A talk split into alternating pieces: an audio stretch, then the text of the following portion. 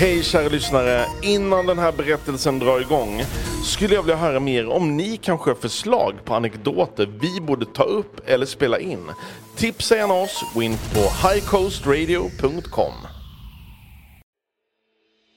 Det här är en berättelse av och med Elvy Söderström.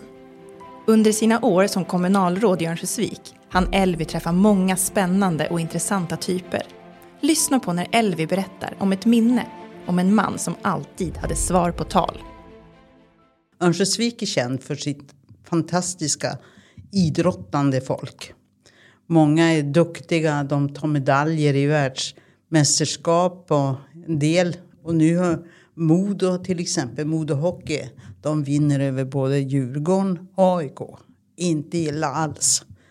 Eh, men eh, det är inte bara där som man vinner världsmästerskap eller i skidskytte eller vad det nu kan vara. Utan eh, vårt näringsliv vinner varje månad världsmästerskap när det gäller att tävla om att få en order.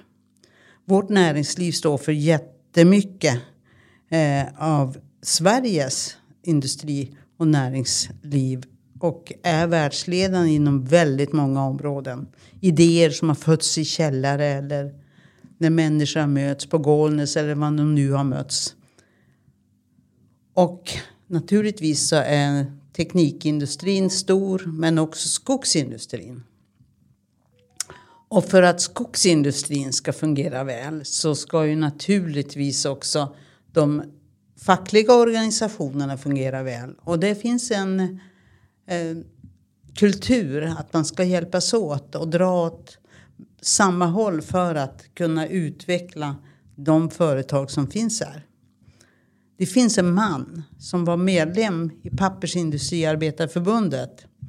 Och han tyckte att det var väldigt viktigt. Och en dag så hade de förlagt kongress till Örnsköldsviks kommun.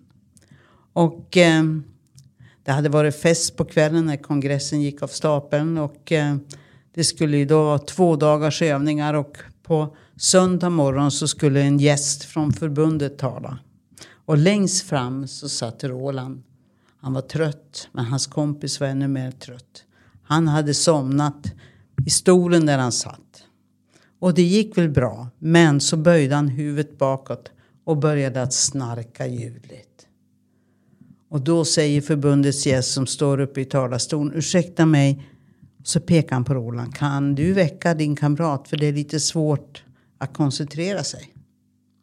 Då svarar Roland. Du, du, du får väl väcka du som har sovit ner han.